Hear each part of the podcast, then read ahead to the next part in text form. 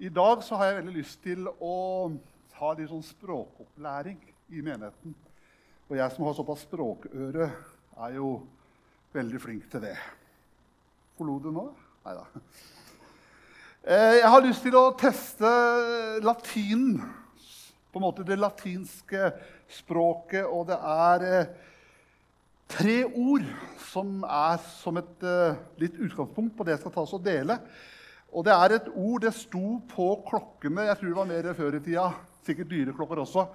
Ikke de jeg kjøper i Romania, det står ikke der, men det står på dyre klokker. Og det er 'tempos fugit'. Er det noen som vet hva det betyr? Ja, tiden flyr. Kan du latinsk? Gud velsigne deg.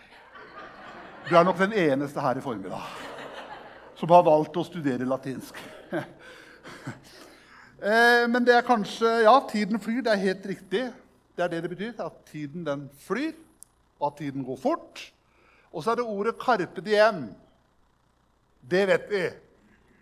Grip dagen, ja. Grip øyeblikket.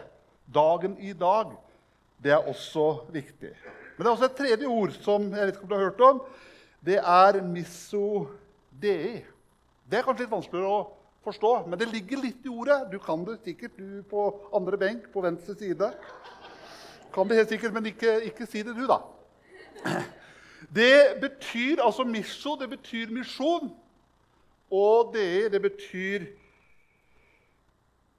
altså Guds sending. Misjo, det er, det er misjon, altså Guds sending. Som en overskrift det står der, og det er Guds medarbeidere. Og hva gjør Den hellige ånd? Vi skal ta oss og gå inn i en tekst i 1. Korinterbrev, kapittel 3, og vers 5-9. Og der står det Hva er Apollos? Hva er Paulus? Tjenere som hjalp dere til tro. Begge gjorde vi det Herren hadde satt oss til. Jeg plantet, Apollos vannet, men Gud ga vekst. Derfor er det ikke noe, verken den som planter eller den som vanner. Bare Gud er noe, han som gir vekst. Den som planter og den som vanner, er ett, men de skal få lønn hver etter sitt eget arbeid. For vi er Guds medarbeidere, og dere er Guds åkerland og Guds bygning. Det er dette det skal handle om i dag. At Gud han er en eh, misjonær og at vi er invitert til å samarbeide med han i hans misjon. Og jeg kan ikke tenke at det finnes noe som er større enn akkurat det. Og det Den hellige ånd ønsker for oss, det er å spille på lag med deg og meg. Det er ikke sånn at Den hellige ånd er noe fjernt, noe som er langt borte, men Den hellige ånd er noe som er veldig nært. Steve Jobs han døde for noen år siden. Han var eh, grunnlegger av Apple, altså iPhone, Mac, alt dette her. Han på en måte var hjernen bak det. Og han var nå på, dykte, på utkikk etter en dyktig konsernsjef. Og Så henvendte han seg til eh, lederen av eh, Pepsi Cola med denne oppfordringen til han. Vil du virkelig bruke livet ditt på å selge farget sukkervann resten av ditt liv? Eller vil du være med å forandre verden? Og Denne uttalelsen ble veldig utslagsgivende for denne John Scully, som var konsernsjef i Pepsi Cola. Og Han gikk over da fra Pepsi Cola til Apple i 1983. Og det har vært uten tvil det noe av det beste han har gjort. Og det har hatt en, en, voldsom utvikling, og det har skapt en forandring i verden. Hvorfor på en måte forteller jeg dette? Jo, jeg vil at nettopp du i formiddag skal vite at du og at ditt liv, det kan telle. At du og jeg, at vi kan bety en forskjell. Og Da er det viktig å finne ut hva er det Gud gjør. Hva er det både Gud holder på med? Og så er det en måte å gå inn i det. Og Jeg kan ikke tenke meg noe større oppdrag i denne verden. Så i dag så skal det handle om Guds misjon og det å være en Guds medarbeider. Og Jeg skal samle det i fire punkter. Det første punktet er at Gud, han arbeider. Det andre er på en måte hva er vår rolle i å være medarbeider. Og det tredje er nedarbeider om hva? Og så kan vi snakke litt om neste skritt. Som du hører at det er bare fire punkter, men eh, hvert punkt er ganske langt. Det første er at Gud, han arbeider. Misodei, altså Guds misjon, det er hovedtema gjennom hele apostlenes gjerninger. Og apostlenes gjerninger det kunne vi kalt for Den hellige ånds gjerninger. For når vi leser apostlenes gjerninger, så ser vi tydelig at Gud er aktiv, han er handlende, og han er misjonerende på jorda. Og hvis vi skal forstå vår tid og skjønne hva Gud holder på med, hva Gud har på gang, så er det et vers i Apostlenes gjerninger, kapittel 15 og vers 14, som sier det sånn. Og der står det sånn Å vinne seg et folk av hedninger som skal være han, heller som skal ære hans navn. Det er på en måte det Gud holder på med. Vinne seg et folk av hedninger. Og i dette så er han den ledende aktøren. Hvis jeg tar og lese om det i detalj i Apostelen, eller Du kan lese om det i detalj i Apostelens gjerninger 10. Vi jeg ikke ta tida til å lese det. Men hvis jeg tar og lese Peters resymé av hva som skjedde i apostlenes gjerninger Og det leser vi i eh, Apostelens gjerninger, kapittel 11, og fra vers 4. Og det er en del vers vi skal ta oss og lese. Og vi leser. Da begynte Peter å forklare alt for dem fra først til sist. Jeg var i byen Jaffa. Mens jeg ba, kom jeg i henrykkelse og fikk et syn. Noe dalte ned, akkurat som en stor duk som ble senket ned fra himmelen etter de fire hjørnene, og den kom helt ned til meg. Jeg stirret på dem og så nøye etter, og da fikk jeg se jordens firbeinte dyr, ville dyr, krypdyr og himmelens fugler. Så hørte jeg også en røst si til meg, 'Peter, ta for deg, slakt og spis.' Jeg svarte, 'Det kan jeg ikke, Herre.' For aldri er noe vanhellig og urent kommet inn i min munn. For annen gang lød røsten fra himmelen, 'Det som Gud har sagt er rent, må ikke du kalle urent.' Dette hendte tre ganger og alt ble tatt opp til himmelen igjen. I det samme sto det tre menn utenfor huset hvor jeg bodde.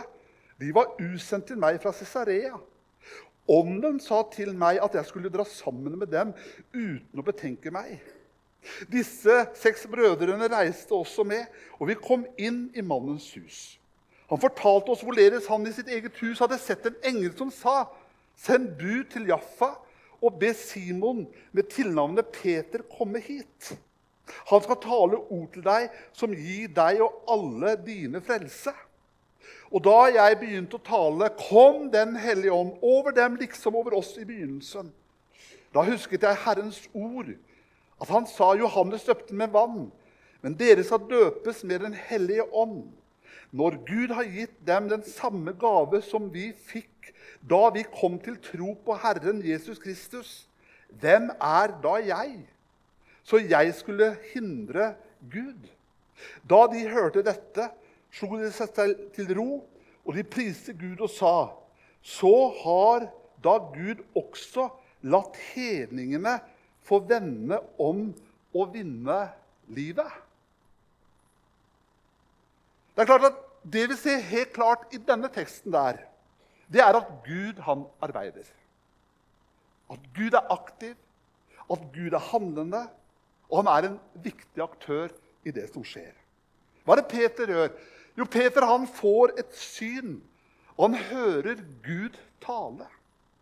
Og ånden taler til Peter og sier at han uten å nøle skal dra sammen med disse menneskene som banker på døra hans. Og videre forteller Peter om Kornelius som har fått besøk av en engel. Og samtidig som Peter snakker, så faller Den hellige ånd over tilhørerne. Og så Peter han avslutter det hele med å si, 'Hvem er vel jeg?' at jeg skal kunne hindre Gud? Vet du hva? Gud han er aktiv, Gud er til stede, og Gud er misjonerende. Peter sier, 'Hvordan skal jeg kunne hindre det?' Og Gud han har en agenda og er fremadstormende i verden. Så Gud han har en misjon. Og Peter han har en rolle å spille i denne misjonen. Det Peter må gjøre, det er at han må finne sin plass i det som Gud allerede gjør. Det andre er at Gud han inviterer oss til å være hans medarbeidere. Vet du hva? Det er ikke vårt oppdrag å bringe Jesus til denne plassen her. Det er ikke vårt oppdrag. Det er klart at Man kan stusse på et slikt utsagn, men det er helt sant. Det er ikke vårt oppdrag å bringe Gud til denne plassen. Hvorfor det? Jo, for der er han allerede.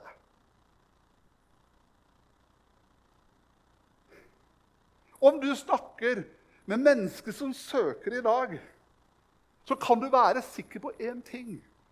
Det er at Gud har vært der før deg. For hva er du? Du er en Guds medarbeider. Altså, Gud han er jo mye lenger fremme enn våre frontlinjer, enn det vi er. Gud har gått foran oss, og vi går etter ham. Og han forbereder, for han har lagt evigheten ned i alle menneskers hjerte. Så Det er ikke vårt oppdrag å bringe Gud hit. Han er her. Takk for responsen. Så vår oppgave er å være Guds medarbeider. Finne ut hva er det Gud gjør i min del av verden. Hva er det Gud gjør på en måte i mitt hjørne, i min krok? Hva gjør Gud nå? Hva skjer i mine omgivelser? Og når vi gjør det, så må vi koble oss på det. Og ikke sette oss tilbake og tenke at jeg er for gammel, jeg er for ung, osv. osv. Men koble deg på det Gud gjør.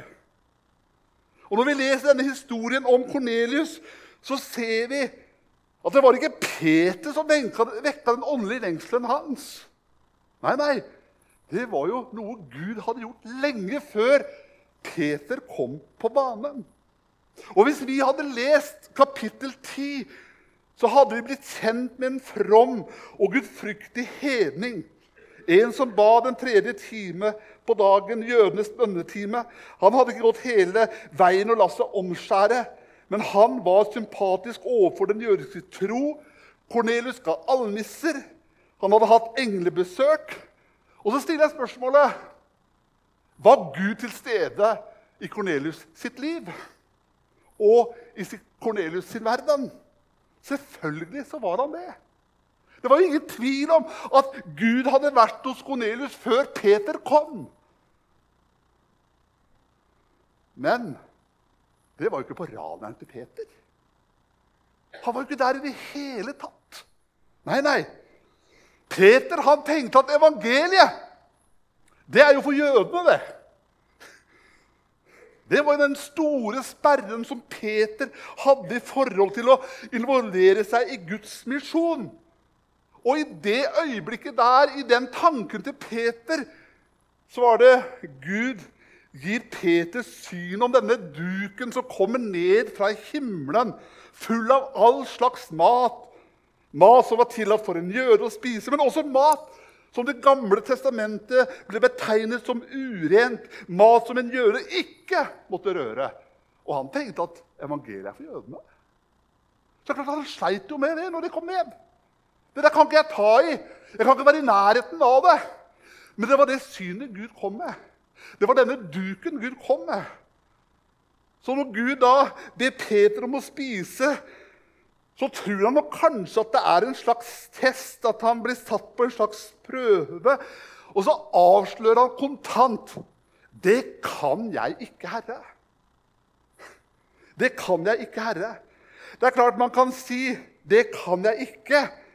Men man kan ikke kalle Gud for Herre og så ikke gjøre det han ber oss om å gjøre. Nei, nei. Hos Peter så lå det noen sperrer i forhold til å la seg engasjere og bli involvert i det som var Guds misjon, det som Gud holdt på med i sin samtid. Det er klart at det hadde med Peters oppvekst og oppdragelse å gjøre. Så han hadde jo hørt lenge at vet du hva, Peter, du må holde deg unna hedningene. Du må ikke være sammen med de. Hold deg langt unna. Han kunne ikke ha noe med dem å gjøre. Men det han skulle gjøre, det var at han skulle holde seg med Guds folk. Ellers så ble han uren. Men i det så taler Gud. Det jeg sier, er rent. Må ikke du, Peter, kalle for urent. Nei, nei. Gud, hva var det han ønska? Jo, han ønska at hedningene skulle få del i evangeliet. Egentlig så er det jo litt oppmuntrende at Peter er noe reservert når Gud kaller ham. For det handler jo selvfølgelig for Peter å gå over en terskel. Det handler om å komme ut av komfortsona, det trygge, det kjente, det gjenkjennelige. Så det er jo på en måte noe gjenkjennelig i Peters skeptisk. Og det er jo faktisk ganske vanlig å være litt nølende. Er det ikke det? Jo. Kanskje kan vi i Lissa misjonskirke i formiddag identifisere oss med Peter. For hva gjør Gud? Det er hva Gud gjør? Han kaller oss ut av komfortsona. Ikke sona, men sonen. Det er det han gjør. Han kaller deg. Han er interessert i deg. Han kaller på deg i dag. Kanskje til noe som føles fremmed. Eller som står i konflikt med hva du er opplært i, eller hvordan du er skrudd sammen. For det som Gud kaller til, stemmer kanskje ikke helt med det som føles som deg. Men det er hva Gud gjør. Jeg må bare dra av buksa, for jeg har gått ned litt i vekt. Men Gud gjør at han kaller deg ut av komfortsona sonen. Gud kaller deg til å involvere deg i Guds misjonsoppdrag. Med de gaver og de talenter som du har. Men hva sier vi? Det kan jeg ikke, Herre. Det kan jeg ikke. Jo, det kan du. For Gud kaller deg det er ikke sikkert at du har hatt et englebesøk, men Gud kaller deg. Det er bare å se litt på historien med. Gud kaller Moses til å føre folket ut av slaveriet og inn i Egypt. Men Moses svarer, 'Vet du hva, Gud? Du har kommet til feil adresse.' 'Jeg er ikke rett mann.' 'Jeg har aldri vært noen ordets mann.' Verken før eller nå. Gud kaller Gideon til å være lederen som utfrir Israelsfolket fra fienden, som plaga og plyndra dem. Men Gud svarer, 'Hvordan kan jeg berge Israel?' Min slekt er den yngste eller svakeste i Manasseh. Jeg er den yngste av søskenflokken i min fars hus. Vet du hva, Gud? Du har ringt feil telefonnummer. Ring noen annen. Gud kaller Jeremia til å være profet for folket og kaller dem til omvendelse, men han svarer, 'Herre og min Gud, jeg kan ikke tale, jeg er for ung.' Og så har vi Peter. Peter! For en type. Og hva gjør Gud? Jo, han kaller Peter til å gå til hedningene men han vil jo ikke bli uren. Og svarer, 'Det kan jeg ikke, Herre'. Altså, Vår respons på Guds skall er kanskje ikke så ulik. Nå kan jeg nå egentlig det. Det er klart at det kan være godt å se litt ting på avstand. Og i etterpåklokskapens lys så kan vi vel alle si oss enig i at det er godt at Moses gikk, er det ikke det? Det var jo godt at eh, Gideon var lydig. Og at Jeremia til tross for sin unge alder og uvilje sa ja, for ikke snakke om Peter. Altså Invitasjonen til å være med er også gitt til deg og meg og gitt til denne kirka. Å bli delaktige i Guds misjon, i det som Gud gjør i vår tid. Og så er det det tredje medarbeider om hva? Ja, Engelen sa til Kornelius du må sende bud på Peter, og han skal tale ord til deg som skal bli til frelse for deg og hele ditt hus og hele din familie. Vet du hva? Frelse. Det er det det handler om. Kornelius var en fin fyr. Han var from. Han ba. Han ga almisser. Og det var mye fint man kan si om han. Men han var ikke frelst. Han hadde ikke Jesus. Det kunne ikke engelen gi ham. Og Derfor så sier engelen du må sende bud på Peter. Englen kunne jo altså arrangere et møte mellom Kornelius og Peter. Og jeg tenker at kanskje uten at vi vet det, så arrangerer engler slike møter i vår tid også. Det er mennesker som må forkynne evangeliet det er mennesker som har møtt Jesus Kristus, som må dele det med andre. Det handler om at Kornelius eh, skal få møte Jesus og erfare hans nærvær i sitt liv. Og hva innebærer så det? Jo, han må få tilgivelse på sine synder. I Peters tale til Kornelius sa han jeg, han gir alle profetene det vitnesbyrdet at hver den som tror på ham, får syndenes forlatelse ved hans navn. Vet du hva? Det kosta Gud mye å sørge for at du og jeg kunne få syndenes forlatelse.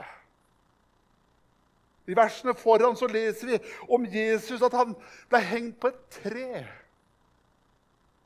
Vi kan tenke naglet til et kors. Det var jo det han ble. Men her er det også denne assosiasjonen til jødene om hvordan de, ble, hvordan de behandla de simpelste og de verste forbryterne. Først så ble de steina. Og siden de ikke var verdig en begravelse, så ble de deretter hengt på et tre slik at kroppene deres ble utlevert til rovfugler og rovdyr. Og så sier Peter Jesus ble hengt på et tre. Altså, han blei ble straffa som den simpleste, den mest foraktede og kriminelle av dem alle. Som den laveste så ble han hengt på et tre. Videre så sier Peter, men Gud reiste ham opp fra de døde, og med dette forkynner han at han som hang på treet, betalte for store synder, for mange synder, ja, for hele verdens synder. For hos Jesus så er det tilgivelse for alt og alle. Dette er budskapet til Kornelius og hele hans familie. Det er noe som stenger, det er noe som sperrer, og som hindrer deg i å ha et levende samfunn og fellesskap med Gud. Vet du hva det er? Det er synden. Men i samme øyeblikk som han hører om syndenes forlatelse, så faller Den hellige hånd på Kornelius og alle dem som hørte ordet. Altså syndenes forlatelse og Den hellige ånd. Altså Den hellige ånd er det det andre som Gud vil skal skje i hedningenes verden. Og Peter han taler ordet om Jesus, og Den hellige ånd bringer Jesu nærvær inn i Kornelius sitt hus, i hans familie, til slekt og venner. Peter forkynner ordet om Jesus, og Den hellige ånd bringer Jesus levende inn i deres liv. Og Dette er Åndens oppgave å bringe den levende Jesus inn, slik at mennesker kan erfare hans nærvær. Vi kaller dette, som vi leser i dag, for hedningenes pinse. Men det står at de talte i tunger og priste Gud. Og vi kan spørre er det det samme som skjedde i apostlenes gjerninger 2. Ja, men hvor var vinden, da? Apostlenes gjerninger så står det at Den hellige ånd kom over dem som en vind. Nei, i Kornelius' hus var det ikke noe vind. Ja, Men disse ildtungene, da? Nei, det var ikke noen ildtunger heller hos Kornelius. Ja, Men det ble jo 3000 frelst på samme dag, altså på pinsedagen. Hvor er de 3000 nå, da? De er jo ikke her. Det er bare noen få. Nei, det var ikke 3000 som ble frelst heller. Nei, nei. I hvert fall ikke der og da. Så det er jo vesentlige faktorer som mangler. Men likevel så sier Peter Den hellige ånd kom over dem like som over oss i begynnelsen. Det kom altså på samme måte. Men selv om ikke alt var likt, så var det allikevel den samme gaven som ble gitt. For Den hellige ånd kommer over dem og Jesu nærvær fylte dem, og de talte i tunger, og de priste Gud. Det var et Guds nærvær. Dette er også det som Gud vil at vi skal oppleve i dag. Like sterkt som i kapittel 2 i Apostels gjerninger og kapittel 10 at åndens nærvær og Jesus den levende til stede i våre liv. Jeg tror vi dessverre har altfor lett å sette Gud og erfaringer med Han i en bås. Det må være sånn. Han har meg sånn. Det må skje på den måten. Så har jeg tenkt litt på Moses og Josva. Josva, hva skulle han? Han skulle overta etter Moses. Bare tenk hvor mange ganger Moses fortalte historien om den brennende tornebusken til Josva. Bare tenk. Det hadde derfor jeg gjort hadde jeg vært Moses. Jeg hadde fortalt mange ganger. Du vet, Josva, det er ikke til å tro. En dag når jeg var ute og gjette sauene i ørkenen, så så jeg en brennende tornebusk, og den brant ikke opp. Den. Helt utrolig. Det hadde jeg aldri sett før. Det pleide å brenne opp ganske fort i ørkenen, for det er så tørt. Men denne busken der den bare fortsatte å brenne og brenne og brenne. Og når jeg gikk da nærmere for å se hva dette kunne være, så vet du hva, Josva? Da kom det en stemme ut av busken.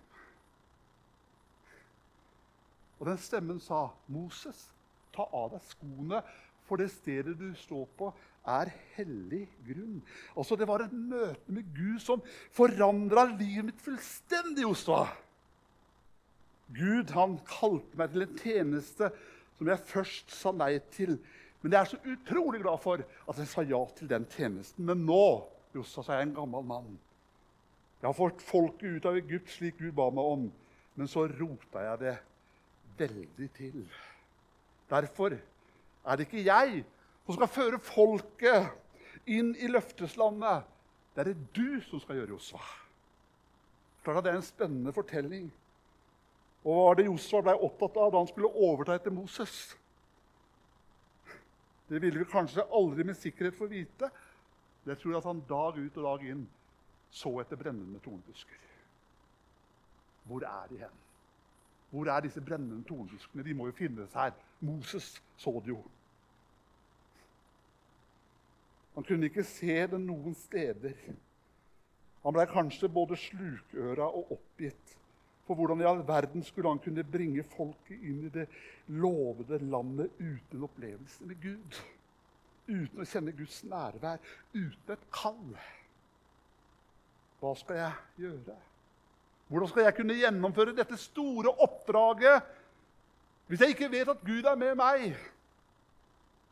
At han har sendt meg, at han er til stede. Men en dag så står Josfa utenfor Jeriko.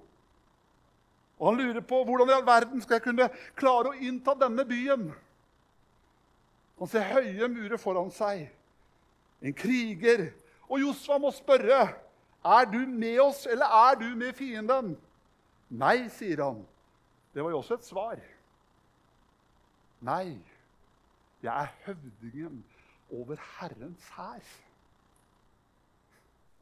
Og så sa han noe som fikk det til å gå kaldt nedover ryggen på Josva. Ta skoene av deg! For stedet du står på, er hellig grunn. Det er samme virkelighet, det er samme dynamikk, det er et samme gudsmøte. Ja, Riktignok var det noe annerledes i det ytre. Og slik var det også med hedningenes pinse i Apostelens gjerning i kapittel 10. Nei, Det var ikke vind der, det var ikke ildtungene, det var ikke så mange som ble frelst på en gang. Men det var det samme åndens nærvær. Og Vi skal ikke behøve å gå fra Lista misjonskirke i dag og uten å vite at Den hellige ånd er til stede i mitt liv. Hva må til da for å erfare dette? Dette er likt for oss alle. Han ble hengt på et tre for at vi skulle få syndenes forlatelse. Du må ikke leve opp til en skyhøy standard for å bli fylt opp. Den hellige ånd og erfare Guds nærvær i livet ditt. Du trenger bare å omfavne og ta imot at 'jeg er tilgitt Jesus'. Guds sønns blod renser meg fra all synd. Martin Luther han sa, 'Hvor det er syndenes forlatelse', så er det liv og salighet. Og med dette så mente han åpner deg opp for syndenes forlatelse, så kan du også åpne deg opp for Den hellige ånds kraft i ditt liv. Før så sa vi ofte 'Lengter du etter mer?' Tørster du? Har du en lengsel? Lengter du etter åndens kraft i livet ditt? Ja, da må vi først oppleve blodets kraft. Vi ser det tydelig når de spedalske ble renset. Først så tok de blod fra et av offerdyrene på høyre store tå, så på høyre tommel, deretter på høyre øreflipp. Og der hvor blodflekken kom, kom det deretter med olje og smurte på. Og i Det nye testamentet er olje ofte brukt som et bilde på Den hellige ånd. Jesus, Guds sønns blod, renser oss fra all synd. Det er det første vi må leve i. Og det andre er å vite der hvor du har erfart blodets kraft, der kan du også nå erfare åndens kraft. Du fokuserer ikke på de ytre omstendighetene, men du tar imot Den hellige ånds kraft som gave i ditt liv. Og så går du inn i det Gud har for deg. Jeg håper du er klar i formiddag. Og det neste og siste punktet, det er neste skritt. Hva nå? Først en liten personlig refleksjon. Vi kan gå tilbake til begynnelsen. Tempos fuget. Vet du hva? Tiden går så fort. Tiden flyr. Hvor blir det av tida? Er du ikke enig? Takk for at det er to som syns det. Men la oss tenke at livet vårt er som et metermål. da. Metermål. Og én meter er nesten et, på en måte en meter er et bilde på vårt liv. Gjennomsnitts levealder i Norge Ikke bli oppgitt, du som er gammel nå, men den er 82.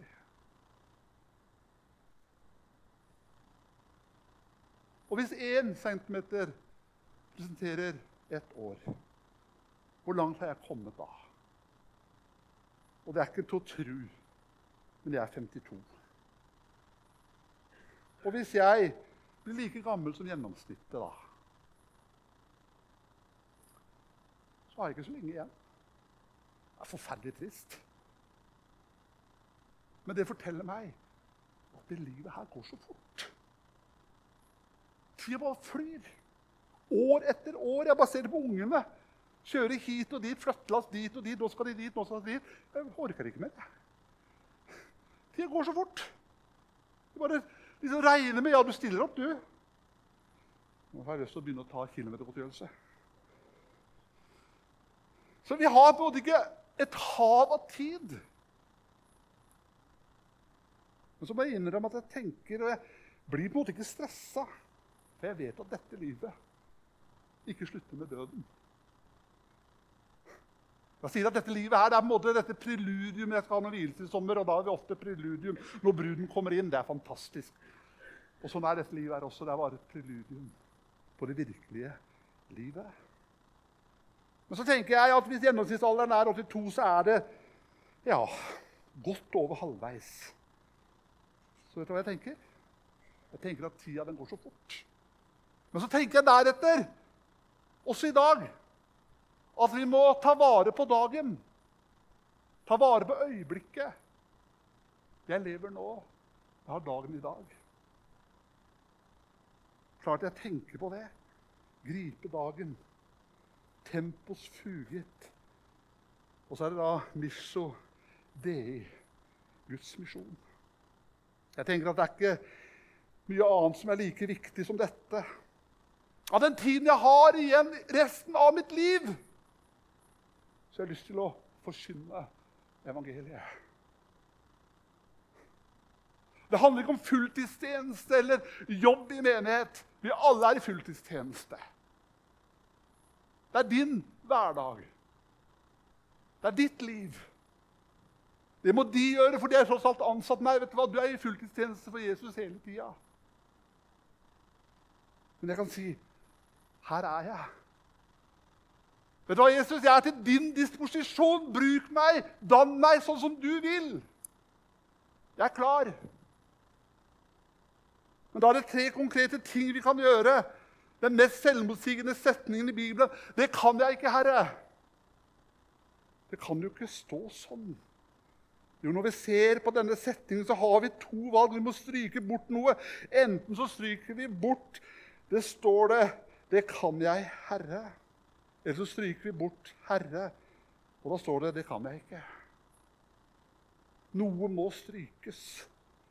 For begge kan ikke bli stående. Det er ingenting som heter 'Det kan jeg ikke, Herre'. Og dette er første utfordring. Stryk ikke. Men begynn å si 'Det kan jeg, Herre'. Ja, kan du ikke det? Det kan jeg, Herre. Og så kan du markere det ved 11. juni 2023. Så skal du signere med ditt navn, med din overskrift, og si 'Det kan jeg, Herre'. I dagens tekst så hadde både predikanten og tilhørerne bedt når de møttes. Det begynte med en bønn. Jeg har lyst til å oppmuntre oss til å rydde tid i livet vårt. Tid til å si, 'Gud, hva gjør du i min hverdag?' Og hvor er du på ferde? Det var det Peter grunna på der på taket. Da han fikk dette synet med denne duken som bare kom ned. Han skjønte ikke betydningen var i samtale med Gud, grunna og filosoferte og tenkte Hva betyr dette? Hva er du i ferd med å gjøre, Gud? Hva mener du? Og mens han tenkte på dette, så banka det på døra. Utsendingene fra Kornelius. Og ånden sier til Peter, 'Du må gå med den'. Og det tredje punktet hvilke dører er det som åpner seg for deg nå? For det er jo nemlig slik at når Gud kaller, så kaller han oss til å gå gjennom dører som åpner seg. Beveg deg inn i de relasjonene du blir invitert inn i. Ta imot Guds invitasjon til å involvere deg i misjonsoppdraget. Stryk bort ikke i setningen 'og la livet ditt leves'. Det kan jeg, Herre. Og bruk tid med Gud i bønn. Finn ut hvor du er på ferde, Gud. Hvordan kan jeg koble meg på nettopp det du gjør? Så beveger du deg inn i de dørene som åpnes for deg. Det handler om Guds misjon. Og det handler om Den hellige ånd. Det er et ord som jeg hørte på i dag til morgenen, som er sånn Hellig ånd som livet gir, fall nå over meg. Hellig ånd som livet gir, fall nå over meg. Smelt meg, fyll meg, tenn